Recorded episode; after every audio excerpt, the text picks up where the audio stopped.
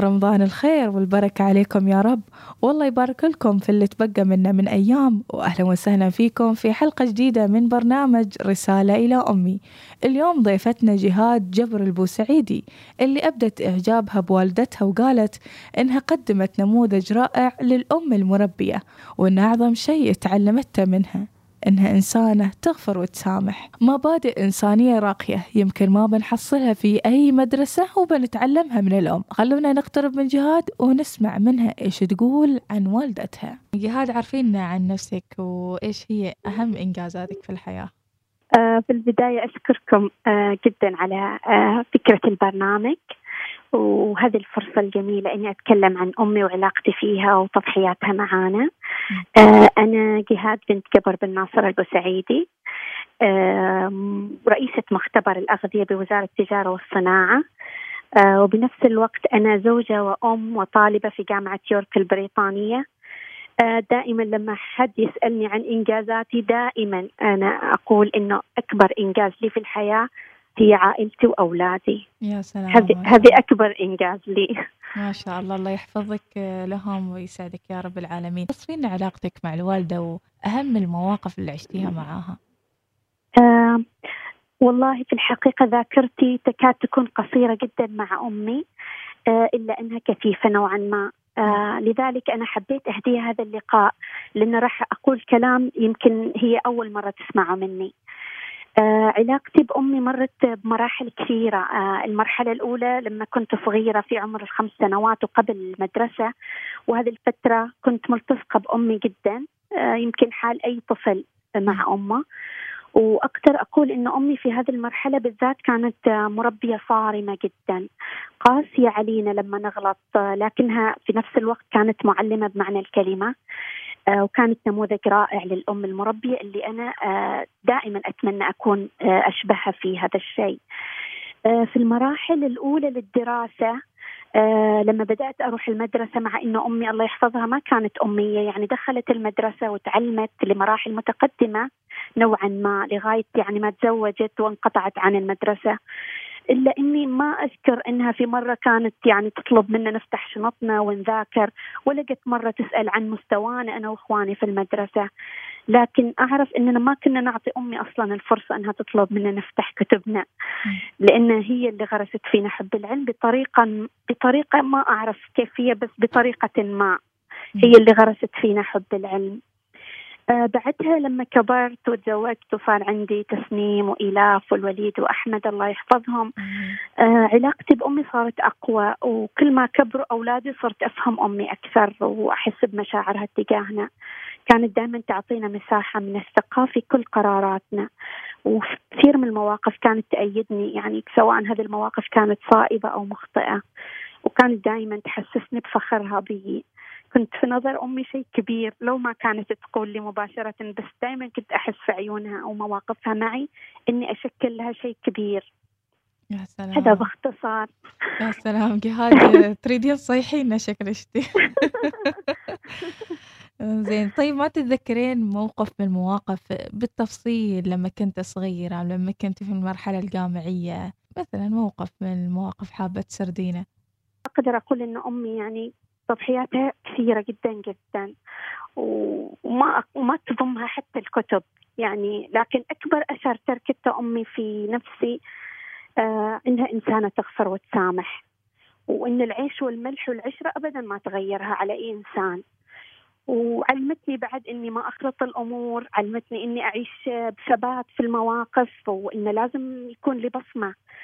آه، علمتني بعد إني أعطي الأشياء الصغيرة اهتمامي لانها في النهاية هي اللي تكون الصورة الأكبر. وكل هذه الأشياء اللي علمتني إياها أمي كانت بدون تلقين ولكن من خلال مواقف وكونها قدوة رائعة لأبنائها. يا سلام عليك يا جهاد زين انتي كبرتي الحين وصار عندك آه، شغلك الخاص آه، يعني اولادك يعني وبيتك كيف تتواصلين مع الوالدة وهل قل هذا التواصل؟ بالعكس آه، أقدر أقول لك إن التواصل زاد وبالأخص لما سافرت بريطانيا وللدراسة. يعني رغم إني أنا ما أحب أستخدم التليفون للاتصال وغالبا كل تواصلي بالرسائل لكن أمي الشخص الوحيد اللي ما ينطبق عليها هذا القانون أو النظام. يعني هي آخر صوت يودعني قبل لا أسافر وأول صوت يستقبلني لما أوصل عمان سواء أسبق أنا بالاتصال أو هي. حتى أحيانا أول ما تحط الطائرة وأنا بعدني في الطيارة أتصل فيها بس عشان أطمنها إني أعرف إنها تنتظرني.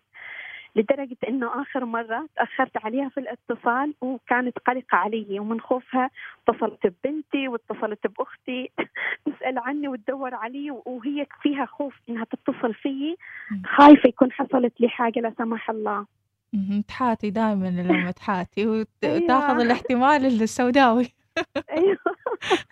بالضبط. الله يسعدهن. إن شاء الله يحفظهن. أكثر شيء تشتاقه جهاد من والدتها لما تكون بعيدة عنها أو حتى في الأيام العادية لما تكونين منشغلة مع عائلتك الخاصة.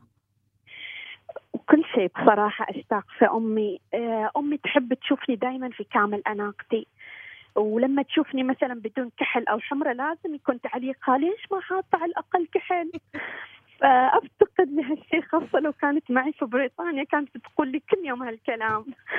آه، أشتاق بعد صراحتها لما مثلا نختار لها آه، شيء معين حابين نهديها أنا وخواتي وتطلب منا نرجع أو نبدله لأنه ما عجبها أو اللون ما حبت هذه الأشياء بعد الصراحة في أمي أشتاقها وأشتاق زياراتها للبيت.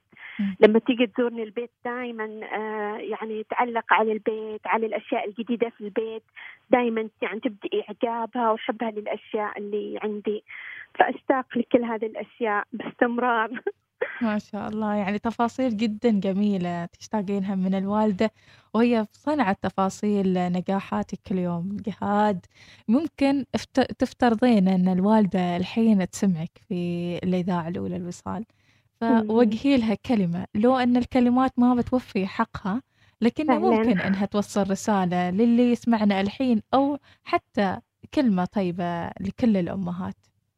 إن شاء الله. آه، أريد أقولها أني بظل مقصرة مهما سويت لك يا أمي وما راح أوفيك حقك من الرعاية والاهتمام ولو جزء صغير من اللي قدمتي لي.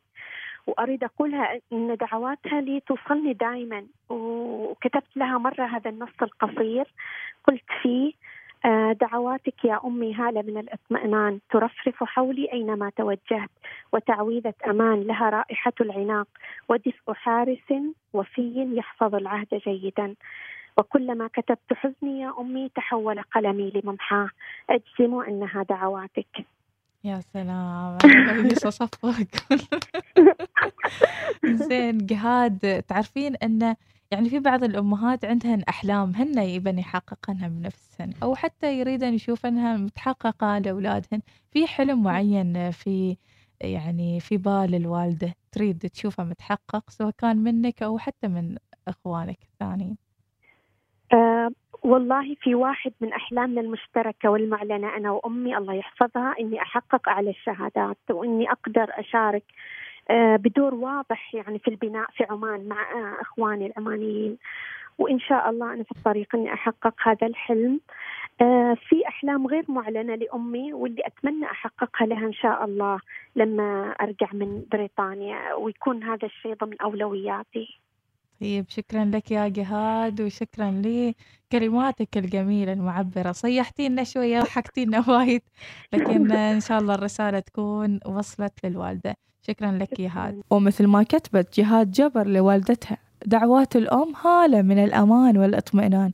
تحفونا وتغمرنا وين ما نكون ونحل. خلونا نرضي أمهاتنا علشان نحظى بدعواتها اللي تنجينا في الدنيا والآخرة. نلقاكم باكر في حلقة جديدة وضيف جديد. مع السلامة.